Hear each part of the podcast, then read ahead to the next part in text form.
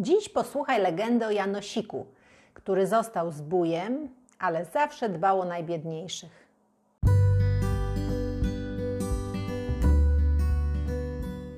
To jest podcast Legendy Góralskie, a to jest legenda o Janosiku.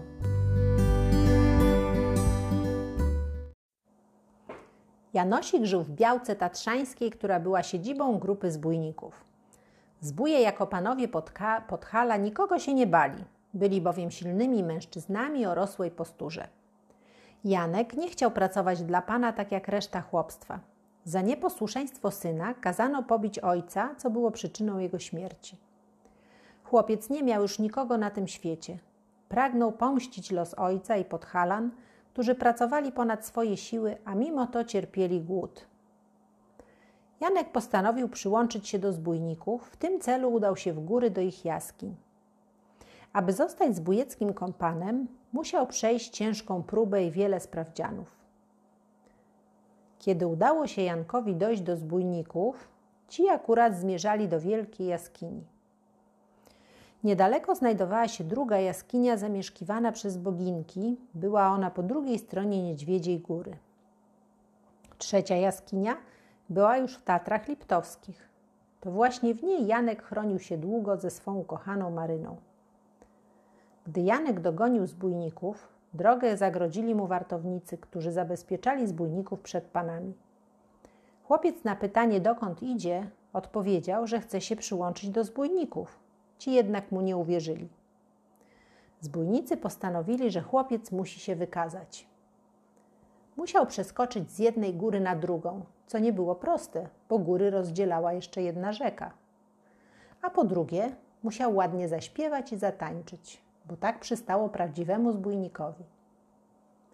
Janek wiedział, że mimo trudności zadań są one wykonalne. Zbójnicy poszli wojować, więc Janek dostał czas na ćwiczenia. Chłopcu strasznie dłużył się czas, więc postanowił pospacerować w kierunku gór. Jednak zabłądził w głębi bukowiańskiego lasu. Na szczęście dojrzał światełko i podążył w jego kierunku. Ujrzał chatkę, więc wszedł do środka i pochwalił Boga. W izbie zobaczył kobietę, która była czarownicą i poprosił ją o nocleg. Kobieta ostrzegła chłopca, że mieszkają z nią jeszcze dwie siostry, które mogą go zabić. Janek jednak nie miał siły iść dalej i postanowił spędzić tam noc. Ułożył się wygodnie na ławie i zasnął. Gdy przyszły pozostałe dwie czarownice, postanowiły nie zabijać Janka, gdyż bardzo chłopiec im się spodobał. Musiał jednak poddać się próbie. Polegała ona na położeniu rozpalonych węgli na brzuchu. Janek przetrzymał próbę, mimo iż gorące węgle wyżłobiły mu dziurę w brzuchu. Czarownice postanowiły pomóc chłopcu w zostaniu zbójnikiem. Jedna kobieta pozbierała podkowy końskie, aby wykuć mu ciupagę zbójecką. Druga upolowała zwierzę, aby wykonać mu opaskę zbójecką. Trzecia zbierała len i uplotła mu koszulę. Ciupaga pomogła mu przeskakiwać z góry na górę i mogła rąbać ośmioro drzwi naraz. Na dziewiątych traciła swoją moc. Opaska dawała mu nadprzyrodzoną siłę.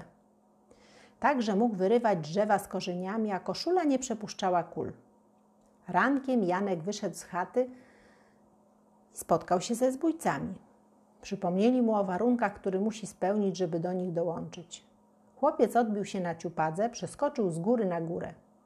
Harnaś jednak nie chciał przyjmować Janka do swojej zbójeckiej grupy, więc zdecydował, aby Janek zmierzył się siłą ze zbójnikami. Oczywiście dzięki koszuli pokonał wszystkich. Wobec tego postawił mu się sam Harnaś. Było trudno pokonać Harnasia, gdyż siłą dorównywał Turowi. Jednak za pomocą podarków od czarownic udało się pokonać Jankowi i Harnasia. W dowód szacunku Harnaś zdjął swą wysoką zbójecką czapkę i założył mu ją na głowę i nazwał Janosikiem. Odtąd wszyscy szanowali Janosika, teraz obaj byli panami z Podhala. Janosik zabierał bogatym panom, a pomagał biednym, aby nie pomarli z głodu. Zawsze wymykał się wojsku z rąk.